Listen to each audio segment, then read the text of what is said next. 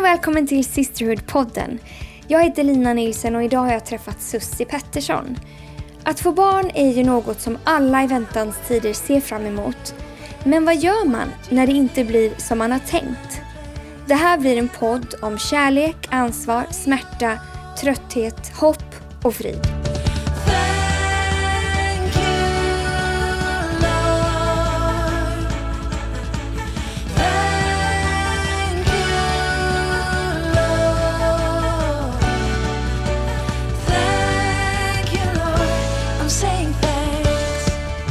Sitter jag här idag med Sussi Pettersson. Välkommen till Sisterhood-podden. Ja men tack. Det är jä- jättekul att få prata med dig idag. Ja, men detsamma. Du, eh, var drog du ditt första andetag någonstans? I Uppsala, eh, akademiska. Men eh, min mamma och pappa bodde i Märsta så att eh, jag är ju Märsta-tjej. Så det var närmaste... Ja, då 67 när jag föddes, då var det närmast åkte man till Akis i Uppsala. ja. Hade du några syskon? Nej, jag är äldst då så att, eh, jag har en lilla syster som är tre år yngre än mig. Ehm, om du skulle beskriva dig själv med tre ord, vad skulle du säga då? Eh, att jag är eh, optimist. Eh, att jag eh, är nästan alltid glad. Att jag... Eh, jag är nog lättskrattad, men jag har tänkt lite på det. Flexibel skulle jag väl haft in också. Men du, för det är någonting jag tänker på när jag träffar dig. Du känns som att du nästan alltid är glad. Är du det eller råkar det bara vara en bra dag när jag träffar dig? Söndagar? Alltså, jag är oftast alltid glad. Eh, jag brukar prata, liksom min man och jag brukar prata om det, för han brukar faktiskt vara på minuskonto ofta när han vaknar. Och så säger jag, men oj, jag, jag börjar alltid på plus tror jag. När jag vaknar då är det på plus. Vad härligt. Ja, Vad härligt. Ja. Har det alltid varit så? ja. Bra. Grattis till dig. Ja, tack! Nej, men det, det är faktiskt eh, ja. det är fantastiskt. Jag tror faktiskt det är en gåva. Mm, Ja. det tror jag med. Vad jobbar du med? Eh, jag är företagare i städbranschen. Jag och min man har ett företag. Så har vi några anställda. Och, ja, så det är fullt ös. Det kan tänka mig. Ja, så ringer det säljare och så här, ja, jag vill prata med den personen och den. Ja, det är jag. Ja, det är jag. Så jag är alla, Ja, alla rollerna. Är- och jag är ja. ute på fältet också och städar. Ja. Ja. Ehm, hur ser din familj ut? Eh, det är Micke, min man. Och så har eh, vi Filip tillsammans som är 19 år. Och så har jag två barn sedan tidigare förhållande. Eh, Viktor som är 27. Och så har jag Sebastian som är, eller han var 25 år för han avled för fyra år sedan. Eh, så att Sebastian är den äldsta pojken, min första pojke. Och så Eh, men kan du inte säga, berätta lite om Sebastian? Eh, ja, det gör jag gärna. Eh, Sebastian föddes eh, en månad för tidigt med, och det var en tuff förlossning. Så han fick en syrebrist i förlossningen och eh, han eh, var livlös när han föddes. Så att man eh, försökte återuppliva honom då. Ja, och eh, sen efter 40 minuter så andades han spontant själv. Och då när de eh, fick liv i honom, var han frisk då? Eller hur, Eh, hur mådde han? Han var... Han var eh, nej, alltså han, han mådde ju inte bra. Han låg bara still. Han kunde... Alltså han andades bara liksom väldigt, väldigt svagt. Och eh, han var alldeles slapp i kroppen. Alltså det var inga tecken på att... Inga reflexer så, utan eh, man, det finns sådana här poäng som man räknar när barnen föds då. Men han, det var väldigt lågt, alltså väldigt lågt. Så nästan noll alltså. Ja, Hur berättade de det? Var det så, så att de tog honom och sprang iväg med honom? Ja, de, de tog honom direkt när han föddes och sprang iväg och jag, jag fattade ingenting. Alltså jag var... Jag, frågade, vad är det som har hänt och vad, vad, vad är det en pojke eller flick-" Jag fick inget svar utan alla sprang, sprang bara ut. Eh, Och lämnade jag, dig nej, ensam? jag, jag, nej, jag hade en eh, sköterska som Mm. var kvar med mig. Och sa bara, nej men ta det lugnt nu, det kommer gå bra, man behöver göra så här ibland. Och vi måste titta hur han mår och sådär. Eller inte han, utan eh, visste inte vad det var. mår. Bebisen mår. Ja. Eh, Och de tog tag i pappan att han skulle följa med. Ja. Så han Så att han lämnade mig där eh, då. Eh, och under tiden så försökte de ju återuppliva honom. För att han var ju som sagt var... Ah, nej, men han, det fanns inget liv i honom. Eh, och då ville de ju säkert ta med pappan då för att se att de verkligen gör allt för att få liv i honom. Ja, och eh, så jag låg där bara och vad händer? Och, nej, jag, jag fattade faktiskt ingenting om vad som hände. Jag trodde inte att det kunde... Jag trodde inte att sånt här kunde hända. Nej, Man, man, man, tänker kommer inte hämta, man ska åka och hämta sin bebis. Ja, det är Mm. så man tänker. Mm. Verkligen. Ja. Fick du ta med honom hem då? Eller på en gång, eller hur? Nej, Hur det? utan eh, de eh, körde honom direkt in till KS på neonatalavdelningen med ambulans. Och själv fick jag ligga kvar på BB där jag födde honom. Eh, Fick du träffa honom? Nej, ja, jag fick träffa honom. Eh, för de, innan de satte honom i ambulans så rullade de ut mig i en rullstol. Eh, så att jag skulle få hålla i honom. Eh, och eh, han var ju helt... Och så tog de ett foto på mig och honom. Liksom, han, var alltså, ja, som en docka, alltså, fast han andades ju. Men han var väldigt slapp, alltså hela han. Då. Så att, eh, ja. Och så sa de att han, de måste iväg med honom dit för att han ska få hjälp. Och sådär. Kunde du vara glad? Nej, jag var så chockad. Jag var så chockad då. Så att, eh, jag tänkte, ja, men de sa att det, det kommer att ordna sig. Så jag försökte koppla av och försökte sova lite grann. Det här var mitt på natten som han föddes. Och eh, sen på morgonen då, då skulle vi åka till KS för att träffa honom då. Ja, möta honom där. Så jag skulle få vila upp mig och han skulle få hjälp. Och sen skulle vi åka och hämta våran bebis. Mm. Mm. Vad hände när ni kom till KS då? Eh, och det, här är, alltså det är så tufft alltså. Men när vi kom dit så eh, mötte, jag vet inte, det var ganska många personer som mötte oss i gången liksom, när vi kom. Och jag hörde liksom, det viskade så här, ah, nu kommer mamman, nu kommer mamman. Och, eh, och sen så hälsade de på oss och sen satte de in oss i ett litet rum. Alltså det där rummet, jag kommer aldrig glömma det. Det var ett rum som var, eh, kan det varit, fyra fem kvadratmeter stort. Inga fönster, det var rödmålat. Där inne satt jag med läkarna. Och de berättade att han mår inte alls bra. Han mår inte alls bra, mitt barn. Kunde de förklara? Vad betyder det? Att han inte mår bra?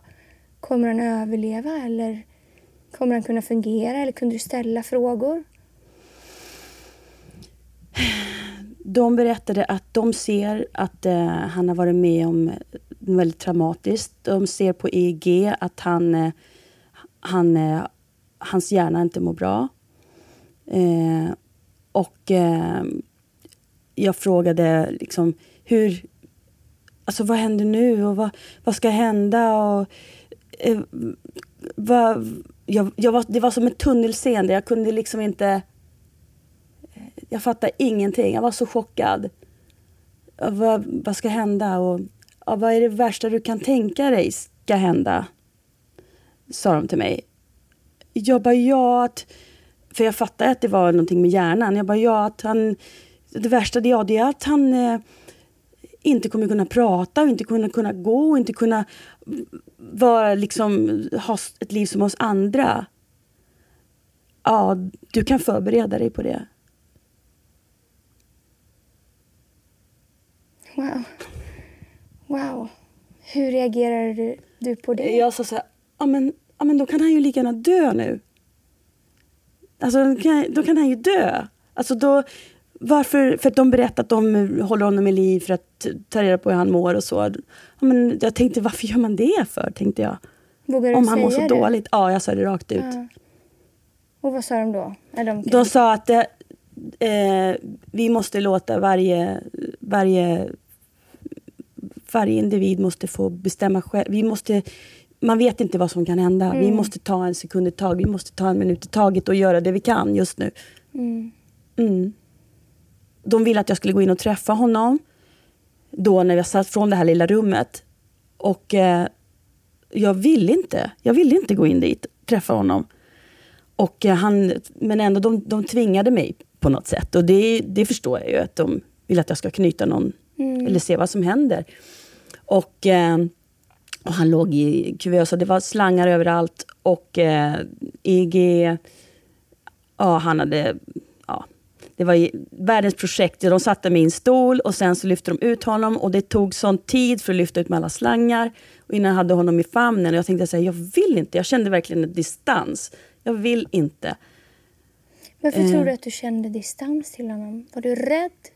Eller var det för skrämmande liksom? Eller kändes det inte som att det var ditt barn? Ehm, eh, jag vet inte, men jag tror att jag börjar stänga av mina känslor redan där för honom. Så jag eh, knöt aldrig någon liksom moders... Som något sorts Ja. försvar? Jag tror faktiskt det. Ja. Så det var som att jag kopplade på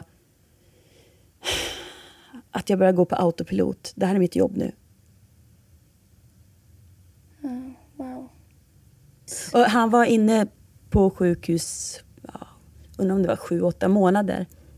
Ja, för han hade inga tecken på, liksom, i början då, han hade inga tecken på att svälja eller någonting sånt. Utan vi fick lära oss sen att sondmata honom och, och så. Så du uppenbarligen så ammade du inte honom eller Nej, höll honom på det sättet och höll på? ja, nej.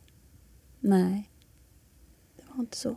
tänker man, man har ju som du säger mycket förväntningar, man ska få barn och man tänker att åh vad jobbigt det är att vara så här stor och nu vill jag bara föda mitt barn så att jag kan ta hand så här, Ja, ja, ja. Tänker Ja. man förlossningen och sen tänker man inte längre. Nej, nej, nej.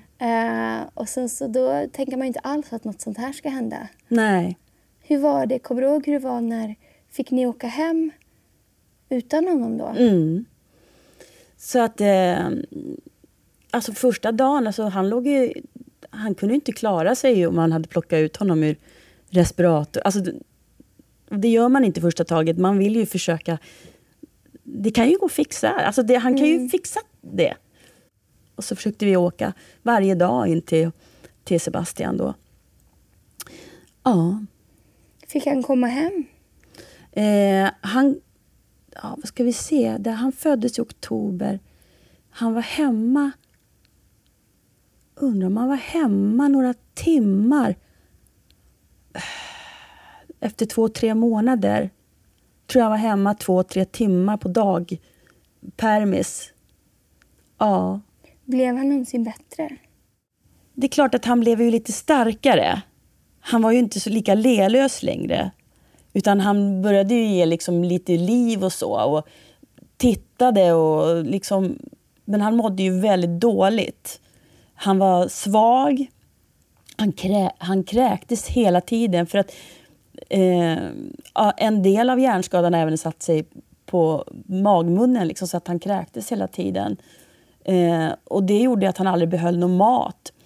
Och sen försöka sonda ner mat så man kräks upp. Man växer inte så snabbt på ingenting. Och eh, sen hjärnskadan som hindrade honom Eh, i allt. Om man tänker det sociala som är jätteviktigt för bebisar, att man tittar på varandra, man ler och man pratar. Det är en del av vårt liksom, sätt att utvecklas socialt och, och få lust och liv att, att motivera oss. Och, att jag vill krypa, att jag vill sitta. Att jag vill, det, det är så mycket, det här samspelet. Men eftersom det aldrig kom så kommer han efter i allting. En bebis tar en sak och stoppar i munnen och om och om igen för att undersöka. Det kunde han aldrig göra. Han, han fick liksom aldrig det, heller den intellektuella starten så, som man behöver. Utan på det viset kom han ju efter och i och med det kom han efter både fysiskt och det sociala. Och den här kontakten mellan oss två, smilet, den här riktiga ögonkontakten, den kom aldrig. liksom. Och eh, ja, jag kunde liksom aldrig... Jag, jag, hade svårt att, att dra det här sociala, sociala liksom själv. Det, man, ja, och det gjorde När man inte får något tillbaka. Nej, och jag stängde liksom av det. Jag kände liksom att det är bara ett jobb som jag gör. Jag har ett ansvar att ta hand om den här pojken. Liksom. När kom han, fick han bo hemma? Vad blev han så, så att du Ja. kunde, ni kunde ta hand om honom? Ja. Eh, vi, när han var sju, åtta månader då, då kom han hem. Då bestämde vi att han ska vara, eh, komma hem. Eh, och eh, eh, vi vårdade honom, tog hand om honom och sondade honom. Och det var ju mycket läkarbesök liksom varje vecka, flera gånger i veckan var det någonting som skulle göras. Sjukgymnaster, logopeder. Det var allt som man behöver redan från när man är bebis för att försöka komma igång med det sociala och motorik. Eh, men eh, grejen var att det var väldigt tufft för honom, de här eh, sjukgymnastiken och allt, för han orkade verkligen inte det. Och eftersom han inte hade ett språk, eller att han, han grinade och skrek inte och skrattade inte på det sättet som gör att man kan säga ifrån. Så att då brukade han, om det var för intensivt, då, då kräktes han eller så fick han feber. Men var du tillsammans med hans pappa då? Ja, Hur påverkade det er relation? Alltså, det, vi var ju väldigt bra vänner, han och jag. faktiskt. Vi var det. Men det är så mycket som kommer efter. Alltså det, vi kände att vi blev så beroende av varandra, för vi var ju de enda som kunde ta hand om honom. Precis, det går inte att be en barnvakt. Nej, man kan, som det enda, vi, vi gjorde aldrig någonting annat än att ta hand om honom. Vi fick ett barn till sen, Viktor. Men, eh, men det, var ju, det var ju Sebastian det handlade om att ta hand om. Och vi blev så beroende av varandra. Och det var inte så himla bra. Det blev beroende på, på ett tokigt sätt. Hade du, eh, hade du lärt känna Jesus då? Nej, jag hade inte det. Eh, Men jag, jag har ju trott... Alltså, jag fick ett möte med Jesus när jag var 14 års åldern. Eh, första gången. Och jag, jag förstod inte riktigt att det var ett möte med Jesus jag hade fått. Eh, eh, men jag var på ett besök när jag konfirmerade mig på ett eh, kloster. Så var det en nunna som vittnade om Jesus och hur hon hade eh, mött honom och ja, hur starkt det hade varit. Och jag kände liksom att jag blev så... Jag, fick, jag blev alldeles tung i hela kroppen. Jag kunde inte förklara. Jag blev alldeles... Det var en, alltså en känsla som jag aldrig upplevt förut när hon berättade om det. Och den berörde mig så. Och, eh, och nu förstår jag att det var en helig ande som verkligen rörde mig. Men jag, jag liksom gick inte djupare i min tro därifrån, utan jag släppte ju det. Mm. Men jag tror att Gud rörde i mig så att när jag, ja, men jag kände igen honom sen när jag väl tog ett beslut att ja, jag har träffat dig förut. Just det. Hur var det att få, när du fick ditt nästa barn, Mm. var du rädd att han skulle vara bli Ja. dålig också? Ja, såklart. Jag blev, var det liksom. Eh, men eh, jag fick, jag fick eh, faktiskt fightas för att jag skulle bli kejsarsnittad. Eh, det, det låter som det var hundra år sedan, alltså. men vården, det, var, alltså, det fanns inte så det var liksom ingen psykologi. Nej. Så jag, så, Det var så, att, så jag, bara, jag bara, nej men alltså jag, vill, jag kommer inte föda honom normalt. Ja, men, det är väl klart det ska. Det kommer inte hända något mer och bla, bla, det kommer bli... Så att jag bara, nej men alltså jag kan inte gå på det här BVC. De förstår inte vad jag, vad jag menar. Eller MVs mödravård. Mm. Så jag fick åka till specialisten på KS där som fick ta hand om mig och de lovade verkligen att de ska fixa det här åt mig. De ska ta kejsarsnitt och jag behöver inte vara orolig. Det här kommer bli så bra. Och det gick jättebra. Så jag fick liksom, när vi fick Viktor då, så jag mötte verkligen kärleken. Ja, jag bara, blev det "Åh." annorlunda? För som du sa, du stängde av lite och kunde inte Ja. känna så mycket för Sebastian. Nej, jag kunde inte det. hände. Men var det annorlunda? När Ja, det var, alltså det var, ja. Kände du dåligt samvete? För att du inte kände så mycket för Sebastian? Då?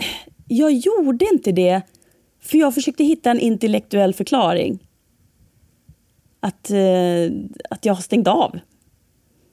Och jag försökte tänka att det kan ju inte vara normalt. Ibland så... Eh, ibland när tankarna kunde komma liksom i fatt med att det var så jobbigt och varför känner jag så här? Men alltså då kom alltid... Det är ju en sjuk situation.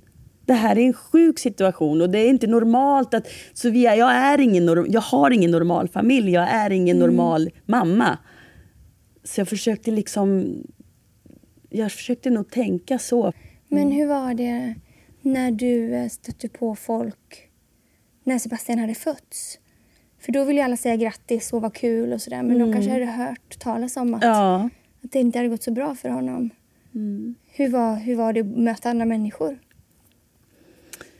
Det var väldigt jobbigt alltså för att folk vågade ju inte... Alla rykten, det, rykten går ju på en gång liksom om det har hänt någonting med någon. Men det var ju såklart familjen var, fanns ju där liksom. Men att grannar och vänner på långt håll, de, så när de såg mig komma då såg jag att de liksom gick en annan väg och de ville inte träffa mig. Eh, för de vet inte vad de skulle säga när de såg mig. Det var en jobbig känsla, det var märkligt och ändå så kunde jag liksom tänka att ja, jag, jag bestämde mig att så kommer jag, jag kommer aldrig göra så där. Om jag, om jag träffar en människa som har råkat ut för något så här fruktansvärt hemskt, alltså, det spelar ingen roll om jag inte har något att säga, men jag, jag kan gå fram och säga att jag inte vet vad jag ska säga. Eller jag tänker på dig. Eller jag kan, på något vis så ska jag ändå finnas där och visa att jag finns där om jag har svårt att, svårt att uttrycka mig i ord. Så det, det bestämde jag då. Jag bara, nej, jag kommer aldrig undvika någon som är i kris. Det är väldigt bra, för det är otroligt lätt att man gör det. Tänk framförallt när det är med barn som det är så tydligt. Man är jätteglad för man, man ska ju vara glad för ett barn. Ja, Men om barnet inte är friskt, då vet man inte om man ska säga att man är glad eller ledsen. nej. För det kan bli fel hur, Mm. vad man än säger. Ja, Men det, det är bättre att säga någonting då. Ja. Sen kunde det vara människor som också... Alltså folk hoppas att nej, men det kommer snart vända, det kommer bli bra. Liksom. Hur är det med han nu då? Hur blir det då? Och så för varje liksom, månad, för varje år, bara, nej det är samma. Ja. Nej det är samma. Och man ser liksom Ja. besvikelse, men det blir också en chock för den andra. Jag liksom, man känner med sin medmänniska som inte vet vad de ska säga. Så, Mm. Hur orkade du? Hur tog du dig igenom framåt liksom dag för dag? Alltså...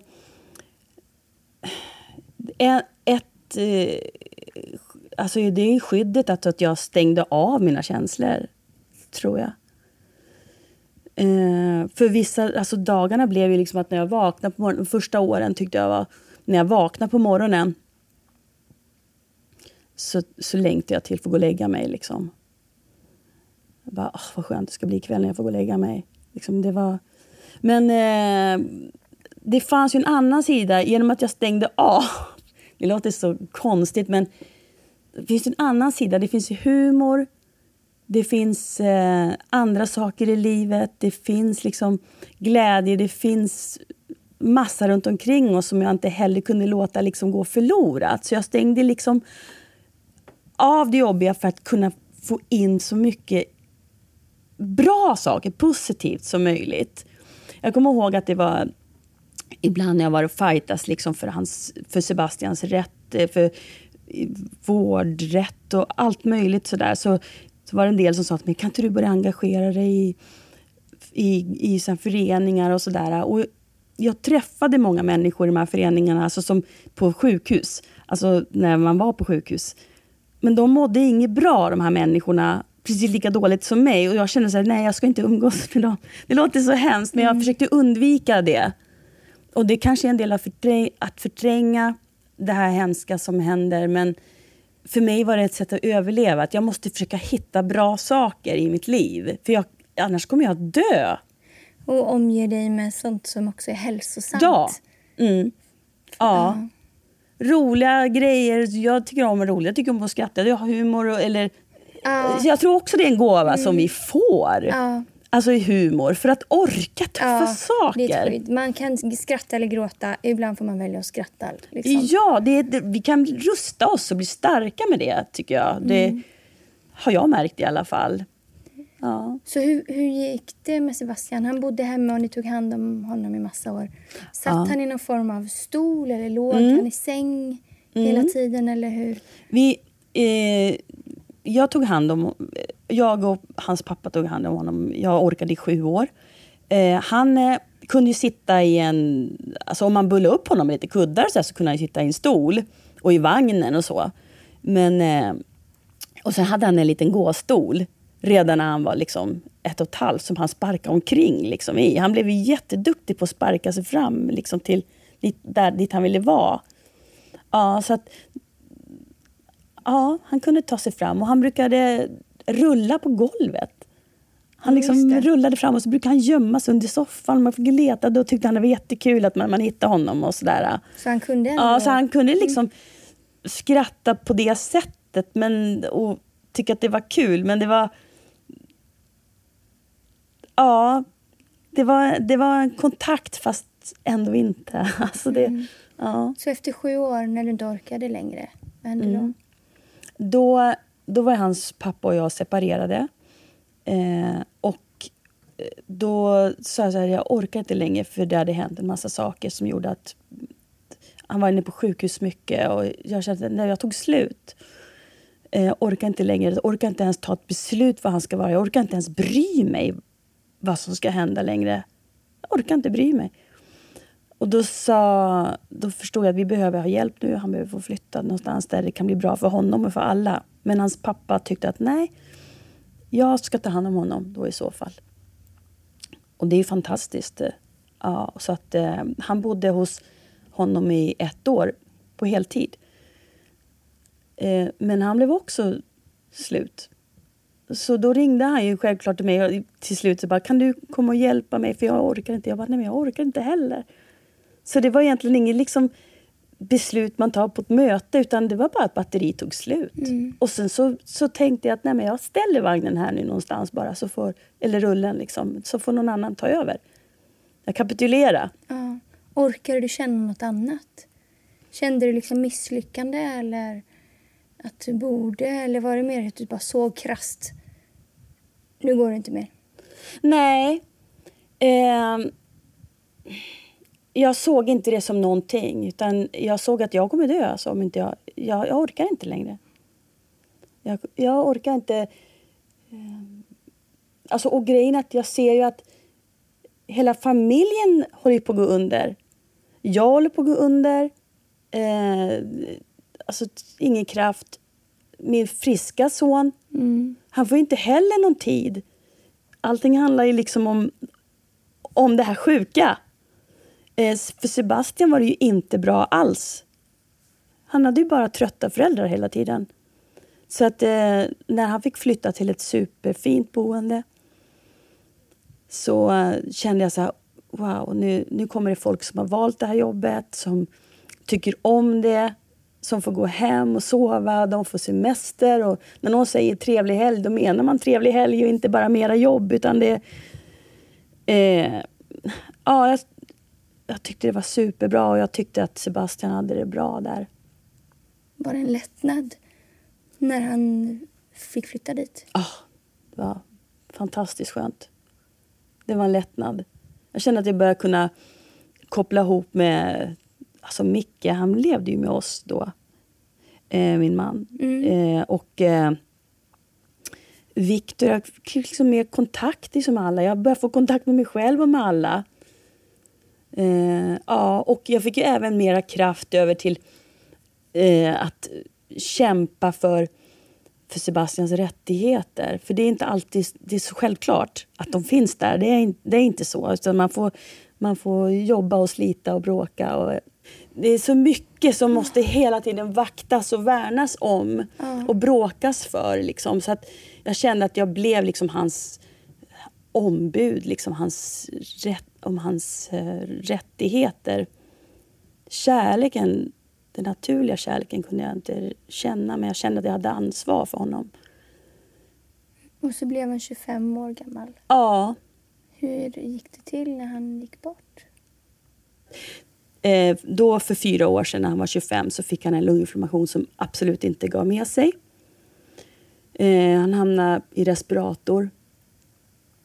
Och eh, det är också en kemisk lunginflammation för alla kräkningar och allt. Det är liksom i luftrören.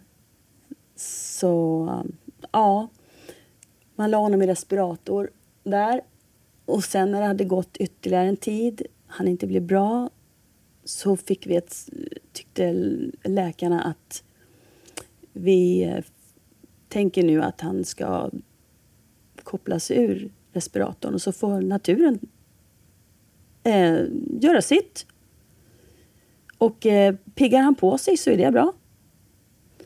Förmodligen kommer han inte göra det för att om han piggar på sig så är han här tillbaka om två veckor igen med ny lunginflammation. Eh, och jag blev väldigt sådär, eh, fun, liksom, jag frågade dem liksom, Jaha, och hur kommer det sig att ni kan ta det här beslutet nu? Han har ju varit döende förr i 25 år, jag vet inte hur många gånger. För det, det är inte bara när han föddes utan det är under årens lopp så har han varit så sjuk så att han blev inlagd på sjukhus många gånger och i respirator. Och jag har alltid frågat, och man opererar in även eh, en slang i magen som man kräks så mycket så, som ger honom mat för att hålla honom i liv. Och det där har jag ifrågasatt så många, satt så många gånger. Eh, och så, jaha, okej, var, varför tar ni det beslutet nu? Eh, ja, sa de, vi, vi, vi, det, här, det är inte humant, eller vad man ska säga, utan vi, det är vi som tar det här beslutet och inte du, sa de till mig. Utan jag bara, okej, men det kändes skönt att de äntligen hade tagit ett beslut i alla fall. Att det fanns någon att det fanns någonting som var humant, att det fanns en tanke för människors liksom, värde, att, att man ska ha någon kvalitet. Vad är kvalitet? Det kan man ju också analysera. Det har jag gjort tusen miljoner gånger. Man kan inte sätta sig in i andra människors... Det var svårt Värderingar. att veta också eftersom han inte kunde kommunicera. Så svårt, Mm. Eller på det sättet. Ja! Svårt att veta vad han tänkte och, Mm. och sådär. Men du, du sa ju att när de berättade för dig när han hade fötts att han förmodligen inte Ja. skulle kunna gå och prata. Och så Mm. sa du det är bättre att han dör då. Mm.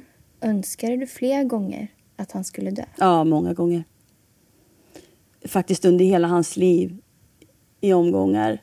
Tänkte alltså varför? För varenda gång det kom nya saker som hände som läkarna måste... Nu ska vi operera in den här uh, stomins eh, knapp på magen fast han hade i tarmarna då eftersom han kräktes ju liksom. Så då gör man det på ett annat vis, in rakt ner i tarmarna. Så han får behålla maten.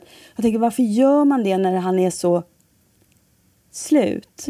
Och varför, när han, han hade också en epilepsi som, inte att man har sådana här gammal utbrott eller ja. Inte sådana som man Nej, ser på precis, utsidan. utan han la bara av. Mm. Och liksom eh, var helt borta och liksom alla som han jobbade med honom i skola och, på, och sådär, de blev ju jätterädda. Så kom ambulansen och skjutsade in honom till sjukhus. Och då, alltså det här, de här resorna om och om igen. Jag tänkte, Men vad är det för mening? Och han, han liksom bara kräktes och kräktes och kräktes och hade så mycket sår liksom i luft, alltså matstrup. Det är så mycket lidande hela tiden. Så jag tänkte så här, alltså, det får vara en gräns alltså, för hur mycket man kan lida. Och ibland så var det som att mitt känslo... Mina känslor, det var som att ibland så till, liksom öppnades en liten lucka, liksom ett fönster, då jag touchade det här lidandet. Och kände hela honom och jag var, nej, jag var tvungen att stänga direkt. Mm. Direkt. Det var för mycket. För att det, det, är, för, det är för mycket. Så att när eh, han fick... Eh, jag helt plötsligt började jag känna ett hopp när de tog ett, ett beslut, läkarna, att han skulle få ett, få, sluta, få ett slut på det här. Så jag bara, ah, ett hopp. Ehm, och då hände någonting i mig. Alltså, det var två veckor ungefär som han låg eh, för döden då. Och då helt plötsligt så ville jag inte gå ifrån honom. Inte ens, alltså, inte en sekund. Jag bara ville vara med honom varje, varje sekund. Alltså, mina föräldrar var hos mig, min syster, hela min familj. Det var hur mycket folk som helst hela tiden där. Och de sa att nu måste du åka hem och sova. Jag bara, jag ska ingenstans. Ni... Alltså, jag ville vara med honom hela tiden. Eh, eh, och det, var bara- bara, det var inte bara ett jobb. Nej, då. nu var det inte ett jobb. Mm. Nu var det liksom ett... Vi, vi gjorde någonting tillsammans. Jag var där med honom, för honom. Och jag tänkte ibland så här, han vet inte ens vad döden är. Alltså, han vet inte ens vad det är. Tror jag. Man, Mm. man brukar ju komma till hospice när det är i livets... Eller så här Slut. palliativ vård. Ja. Slutskede. Men det fanns inga platser för honom så vi hamnade på en lätt akut avdelning på Danderyd i något gammalt slitet rum. Så där satt vi, vår familj, mitt på en sån där Oj. turbulent avdelning. Där liksom man inte... Det, alltså det var så ovärdigt på något vis. Och jag tänkte, jag kan inte... Alltså nej, det, det, det är hemskt. Alltså, jag, nej, jag vill bara vara där med honom.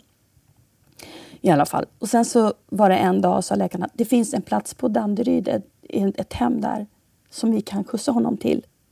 Mm. Och det kommer bli imorgon. Ja, jätteskönt.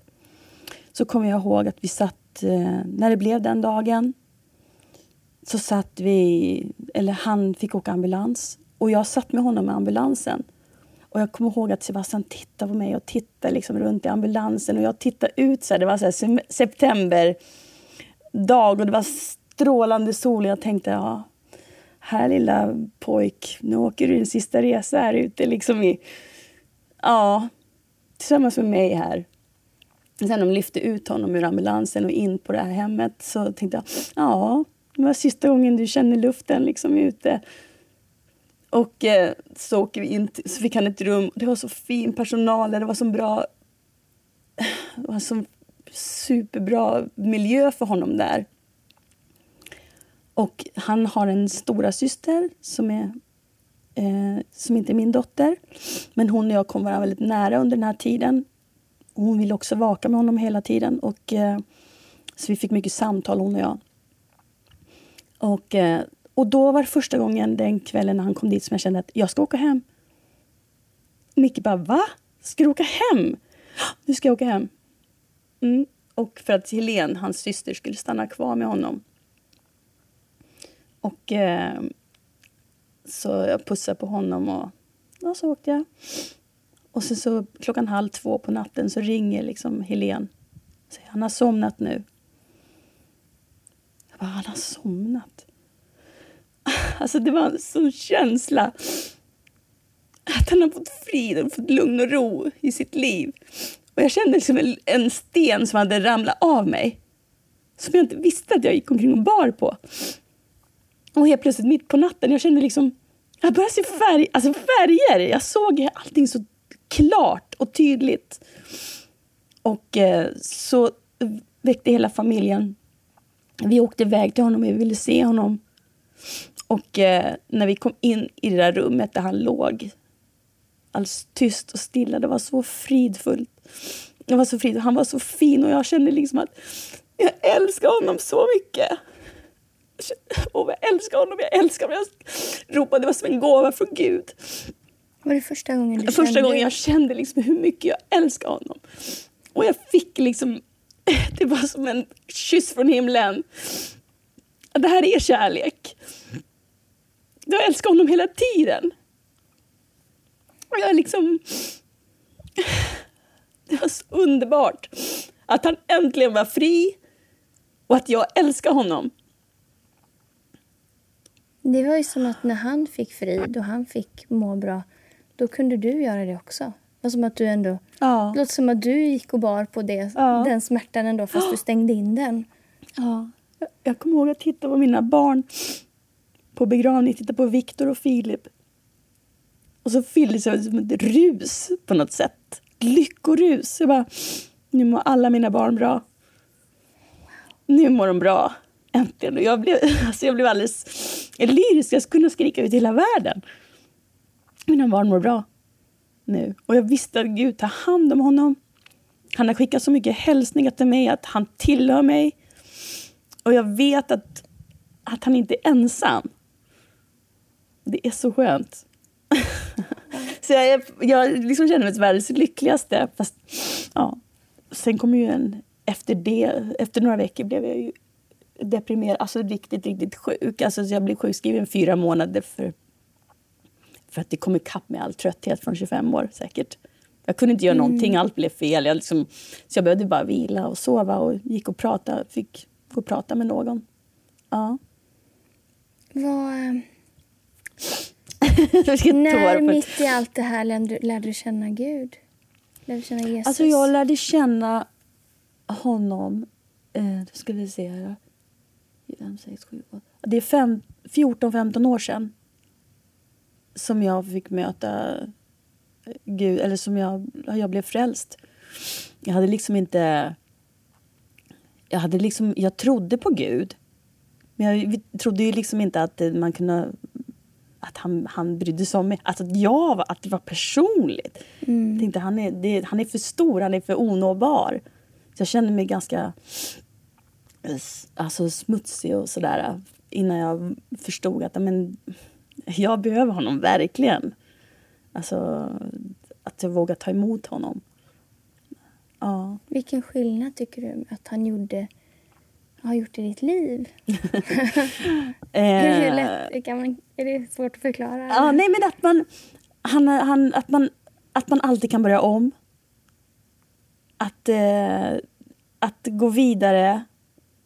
Att eh, det, det finns ett hopp. Ingenting är omöjligt. Aldrig ensam. Ehm, ja, att man aldrig är ensam. Att, att hopp. Och att mm, det kommer en ny dag hela tiden. Ja. Var du någonsin arg eller besviken på Gud för det här med Sebastian? Nej, jag var aldrig det. Och jag har verkligen vridit ut och in på den här tanken. Men jag var aldrig det. Det var som att han... det- För att han var ju mitt hopp. Ja. Ja. Vad skulle du ha gett ett, om du skulle ge ett råd till dig själv för eh, ska vi säga, 15 år sedan? Vad skulle du säga då? Ja. Ja, för 15 år sedan. Ja, då när jag blev frälst. Att, alltså att man inte behöver göra allting i egen kraft. Att man... Eh, det finns hopp. Och just det att, eh, att inte jämföra sig med andra. Väldigt bra. Tack. Tack! Susis berättelse påminner mig om att livet här på jorden inte är allt. Det finns ett liv efter detta. Det finns en himmel där ingen sjukdom eller smärta finns. Och ibland kan det vara en lättnad att få lämna livet här och flytta dit. Och medan vi finns kvar här så får vi påminna oss om att vi aldrig är ensamma. Att vi inte behöver göra allting själva. Gud är med oss. Som det står i första Johannesbrev kapitel 4, vers 4. Han som är i er är större än den som är i världen.